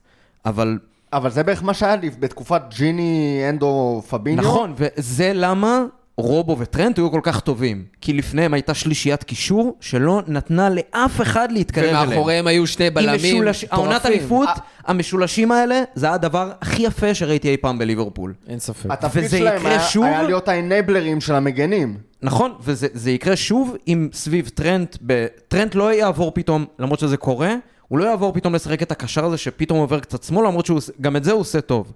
הוא יצטרך שהצד ימין יש לו סגור מקדימה ומאחורה, ויצטרך שמי שאיתו בקישור גם יסגור את זה. זה לא יקרה לדעתי לפחות, עד שלא יהיה קשר אחורי נורמלי, עד שסובו ומקליסטר יבינו מה התפקיד שלהם באמת, ועד שלא יהיה לו את החיפוי הזה באגף באיזושהי צורה שכרגע זה נע בין גומז לזה שהוא חוזר אחורה, ואז נוצר איזה פער שבטח שקונאטה משחק בעמדה הזאת, אז זה נראה על הפנים. אבל אה, לא יודע, כאילו זה, זה, זה מעניין, זה מעניין לראות מה הטרנד תהיה, כי כאילו יכול להיות, וזה ראייה מאוד קדימה, שאנחנו לא נדע עד סוף הקריירה שלו בליברפול, אם הוא מגן, או קשר, או כאילו... חלק מהיופי. זה חלק מהיופי. אתה, אתה תהיה חייב לדעת אבל, כי זו, זו הצומת שאנחנו לא, עומדים בה. אולי לא, אני אולי מסכים. לעולם לא זו נדע. הצומת שאתה עומד בה כרגע. אני אגיד אז לך רגע, עוד רגע, צומת, אני רגע, אשאל- רגע, שנייה, שנייה, שנייה. יש עוד צומת סופר מעניין, דרך אגב, אנחנו מדברים טרנט, טרנט, טרנט, טרנט, טרנט. אבל יש עוד צומת סופר מעניין שבלעדיה אתה לא יכול לקחת שום תורה עונה, וזה הצומת של ההתקפה ליד סאלח. וכרגע, מה שקורה שם עם נוניז ודיאז, וגם אם ז'וטה יחזור על דיאז, שגם אני לא יודע כמה עוד אקסטרה מבחינת מספרים זה ייתן, השני שחקני התקפה האלה לא יכולים לתת במשחקים האחרונים כל כך מעט שערים, אם בכלל. לתת בסדר? מספרים? יש לי נוניז- מספרים. אה? יש לי מספרים, לתת מספרים. כן, תן לי את המספרים. סאלח זה השער היחיד ב-11 שערים האחרונים של ליברפול הבקיע בפרמייר ליג, שחקן התקפה. דיאז הבקיע שער אחד ב-12 משחקים אחרונים, שהוא פתח טוב, כאילו הוא הבקיע את הגולים הראשונים, ונוניז, שזה בכלל סיפור אחר, כן? נוניז כאילו- צריך להגיד, דרך אגב, עם עשרה שערים מתוך 23 XG. נוניז גם ניצל, צריך להגיד, כי בניגוד גם לחלוצים אחרים בפרמייר ליג, הוא גם בשל. אז יש לו איזה חמישה שערים וארבעה כל בישולים. אם הבישולים לא. לסאלח.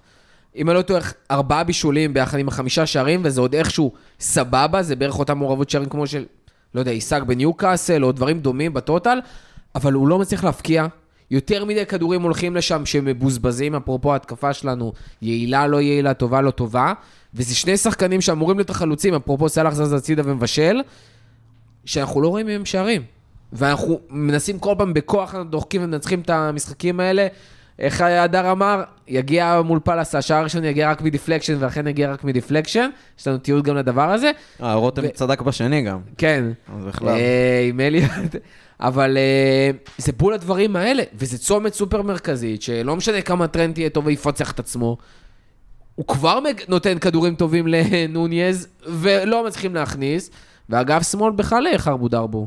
שמע, קודם כל, אני חושב שזה גם באיזשהו מקום נגזרת של זה, כי...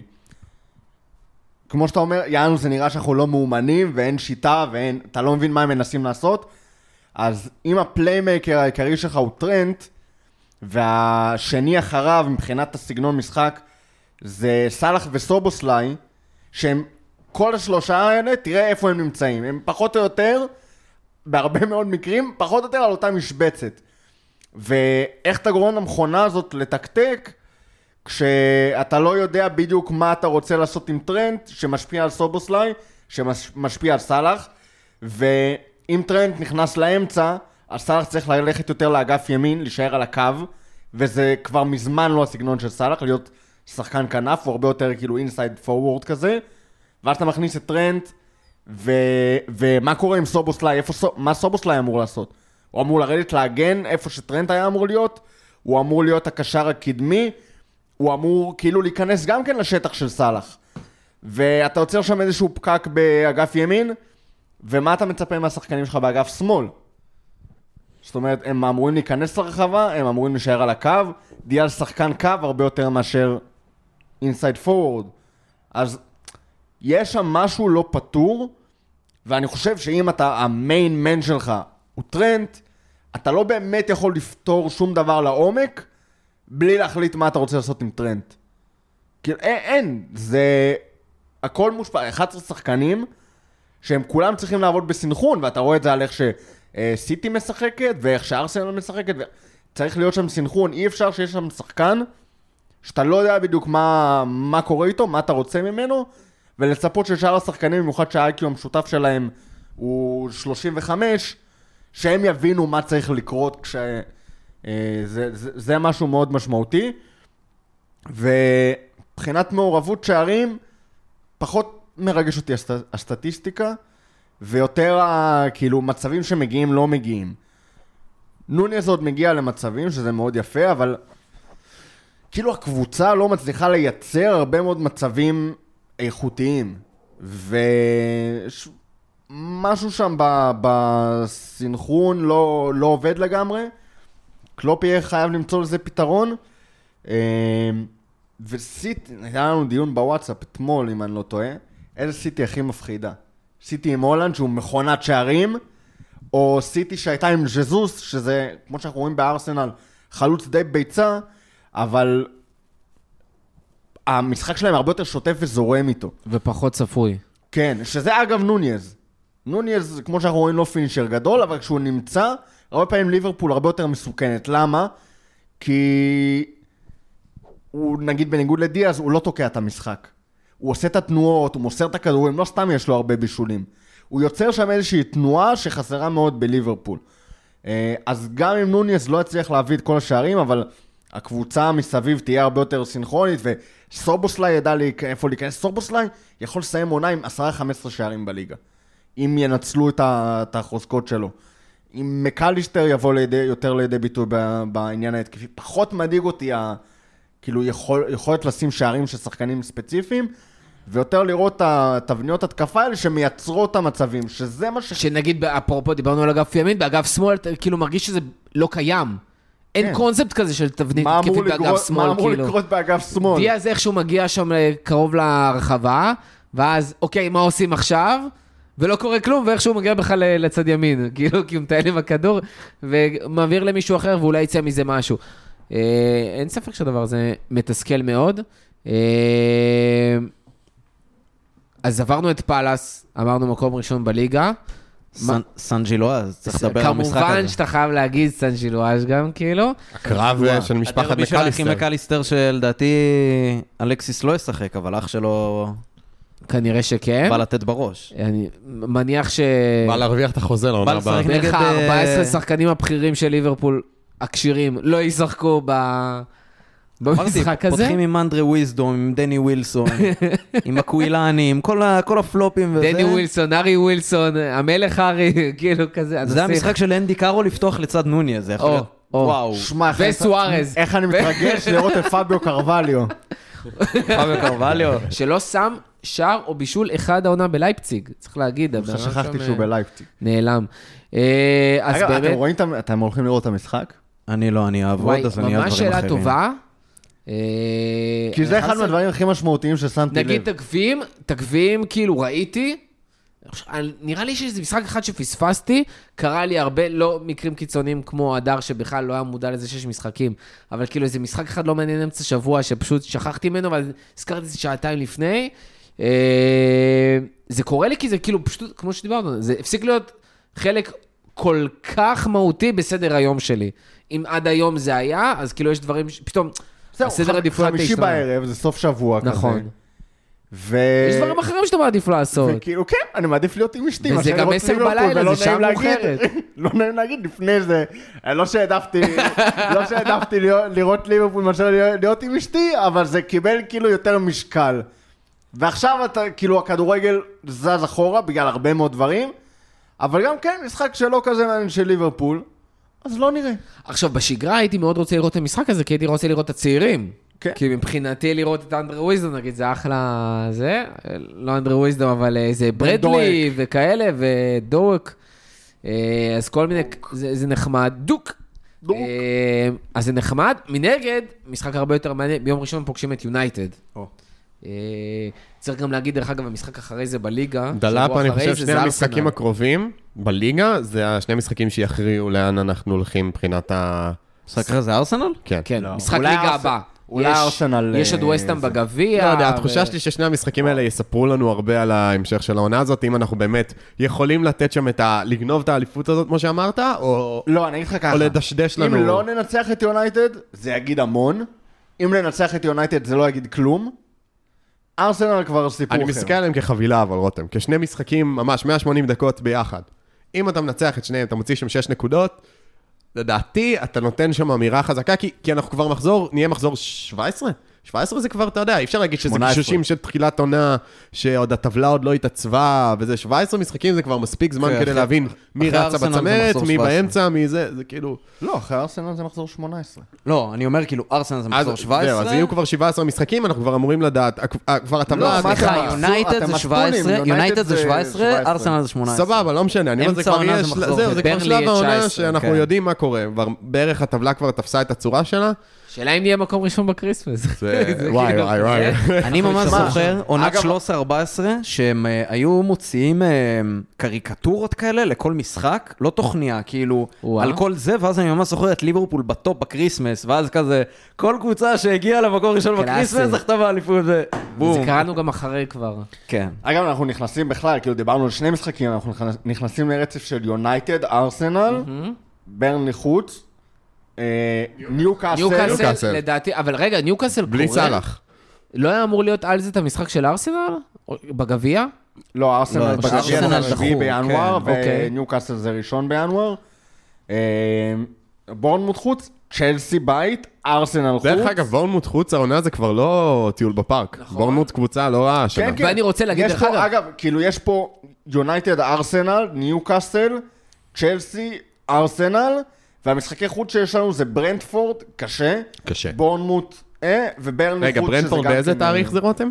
ברנדפורד זה בש... ברנדפורד חוץ זה 17 בפברואר. אה, אז כן. כבר עם טוני. יש לי בדיוק איך להכנה ליום ראשון, ליונייטד. מכל המשחקים. שהקראת, המשחק שאני. בט- הכי בטוח אליו, בא אליו בביטחון, זה יונייטד. בגדול כן. מכולם.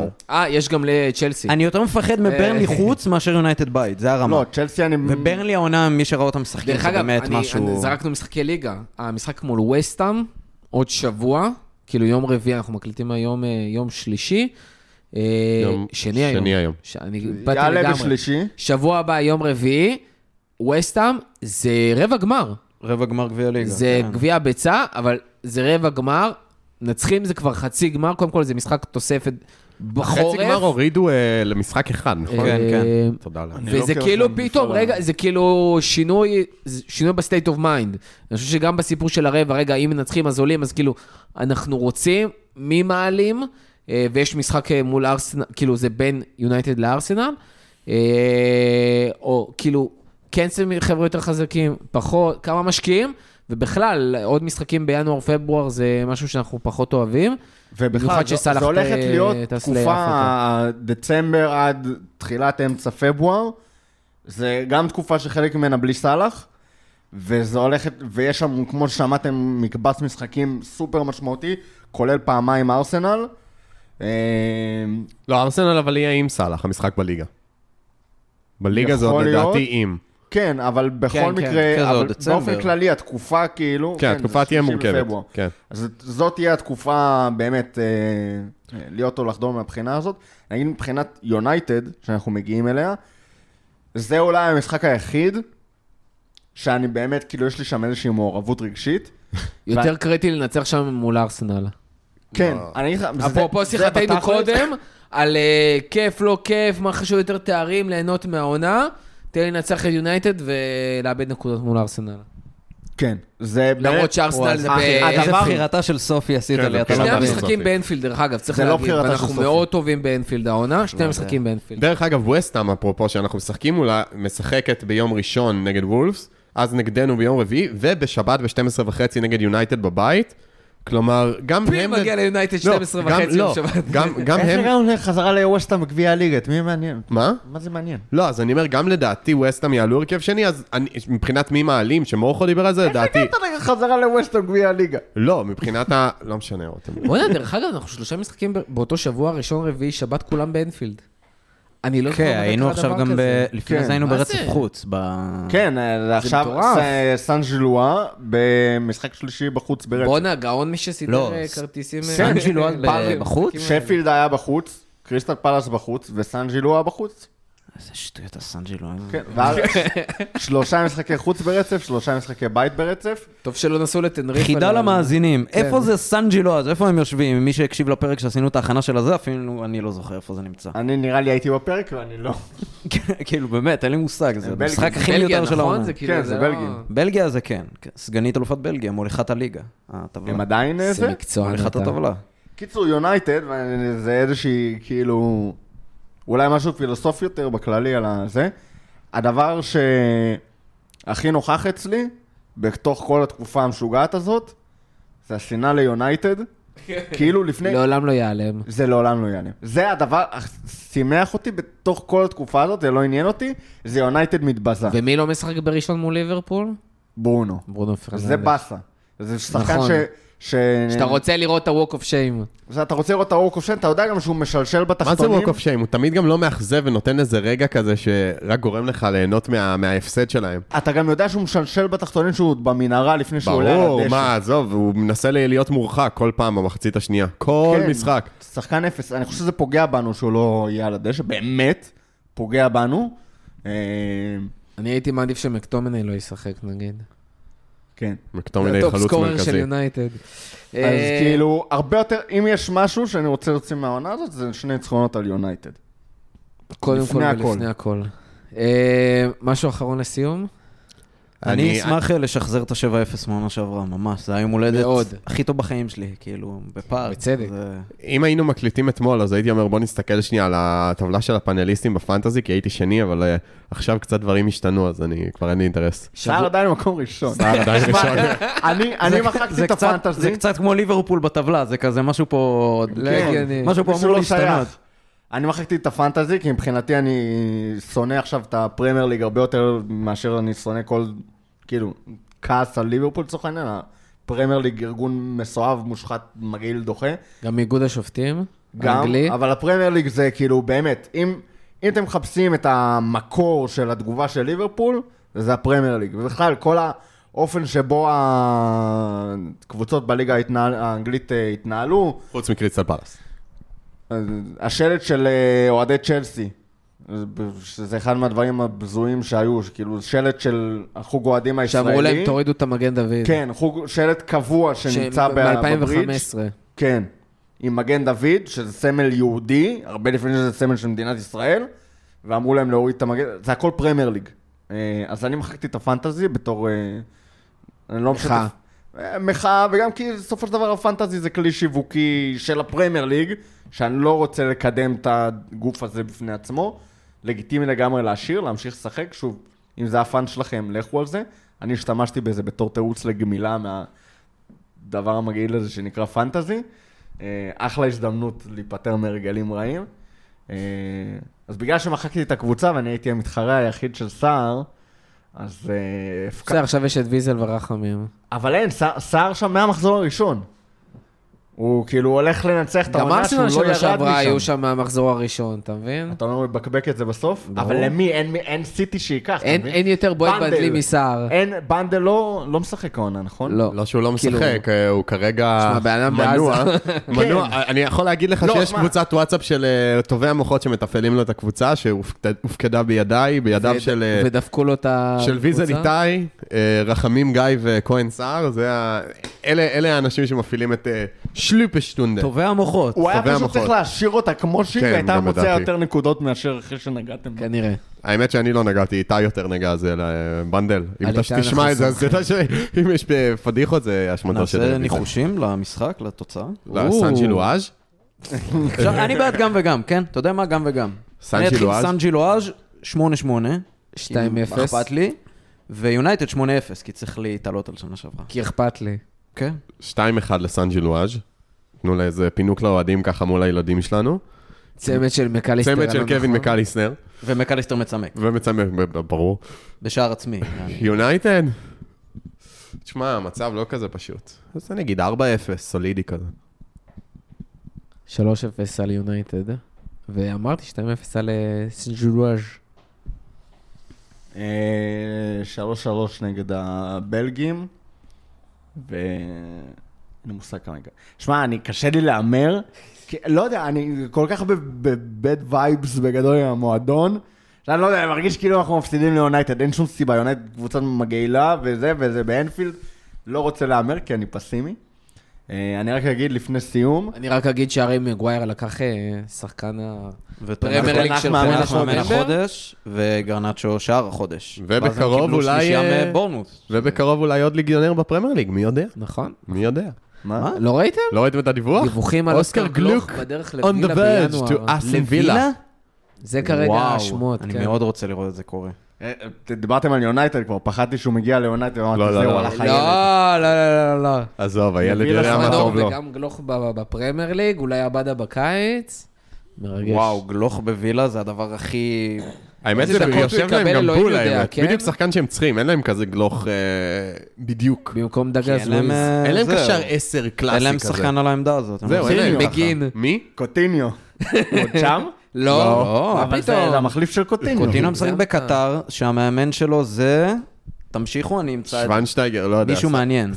מישהו מעניין. וגם שם הוא לא עושה דיה כלום. סבא. לא, אני חושב שזו העברה נהדרת. אם הם שמים קצת צחוקים בצד, אם גלוך באמת יצליח אה, לתפור את זה, זו העברה מושלמת בשבילו. שמע, קוטיניו. כל כך פח, שאפילו לא הצליח לסגור בליגה הסעודית, והוא הלך לליגה הקטרית, כאילו, זה כזה...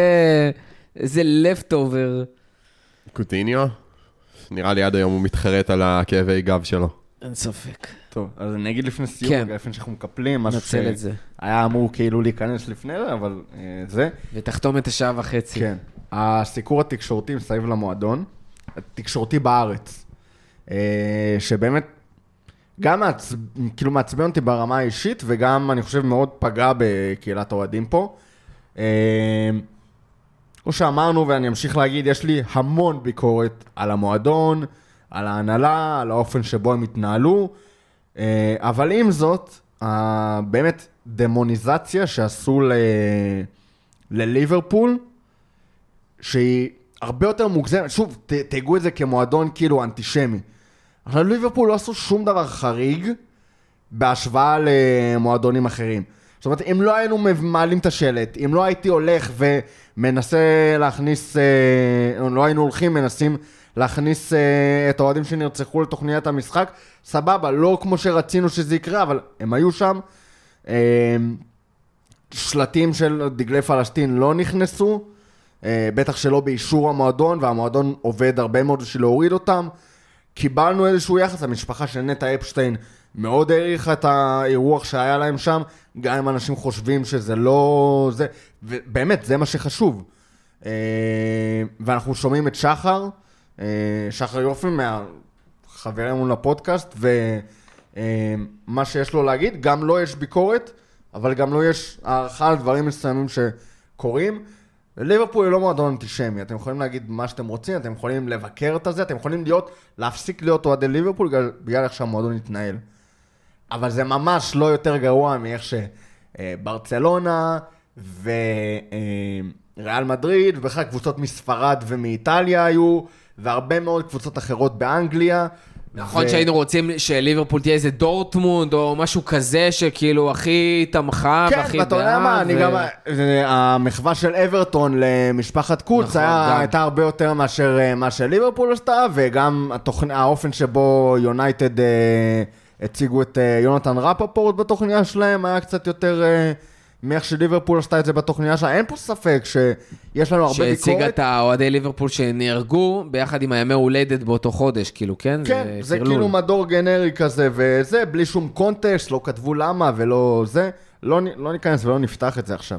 יש, שוב, הרבה כעס, הרבה ביקורת, אבל בתקשורת פה בארץ רכבו על זה, בין, גם בגלל שהקהילה פה כל כך גדולה ויש לזה המון traffic, וגם כי ראו שהסיפור עם, ה... עם השלט, שהוא בכלל... זה, ומנצלים את זה בשביל traffic, בשביל לרכב על אה, זה ולייצר פה איזושהי אה, שנאה ואיזשהו hate. זה מגעיל אותי.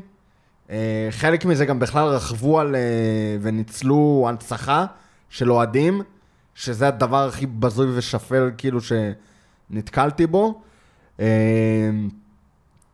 וזהו, כאילו זה מעצבן, ואני מקווה שמי שכן שומע אותנו ויש לו איזשהם התלבטויות ודברים כאלה, אל תיתנו לרפש ולזבל הזה להשפיע על דעתכם, תעשו את ההחלטה שלכם, גם אם זה יהיה עם ליברפול, גם אם זה יהיה בלי ליברפול, אה, גם אם אתם שמים את זה על אש קטנה. אני אישית, כמו שאמרתי, אנחנו בפודקאסט הכפית, אוהדי ליברפול בישראל, ומה שנקרא This means more, אבל באמת, ולא כמו השטויות שהמועדון מקשקש. טוב, כריסטוף גלטיה, זה המאמן. מי? שברבירו מאוד אוהב, מסיבות שכל אחד שיעשה את הגוגל שלו, אבל אה, כן. גלטיה, ולפני זה קרספו, שהיום הוא מאמן את עומר אצילי, שמקודם דיברנו עליו. קרספו זה שגם מעניין, אבל בקטר, לא נכון? זה. גלטיה זה מי שאימן את פריז? קרטיה זה שעון, לא? גם, גם. גלטיה, גלטיה. גלטיה? כן, כריסטוף. כריסטוף.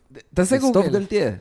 אני מפחד, הוא אמר שזה יעניין את ברבירו, אני מפחד לדעת מה אני... לא, על זה שיח. בקבוצה, לא משנה. אה, אז אה, נגיד תודה לכולם, תודה לכל מי שהאזין לנו בכלל בפרק הזה, גם אם הוא לא הגיע לרגע הזה. תודה לכל מי שהגיע לרגע הזה וחווה איתנו את כל הפרק הזה, את הפרק הראשון אה, מאז אותה שבת נוראי, נוראית. תודה רבה אסף, תודה רבה רותם, תודה רבה הדר. אה, נגיד תודה גם בכלל לכל מי שהיה מעורב בחוג אוהדי ליברפול להנצחת האוהדים, ואם זה הרוגים, אם זה החטופים, לספר את הסיפור שלהם, גם אלה שלא בחוג, אבל בחרו לבוא ולעזור. בכלל, היה לנו שם איזה חמ"ל מטורף עם הסיפור של אה, רועי מונדר. אה, אנחנו שולחים אה, חיבוק חם לכל המשפחות, לכל האוהדים, גם האנשים שפשוט חווים תקופה קשה. אז אנחנו מחבקים אתכם, חיבוק חם וחזק, אבל לא too much, כי זו תקופה כזאת. וזהו, אנחנו מקווים שתצליחו ליהנות כמה שאפשר, כמה שיותר. מקווים שלמרות כל הביקורת, ליברפול כן תיקח אליפות העונה.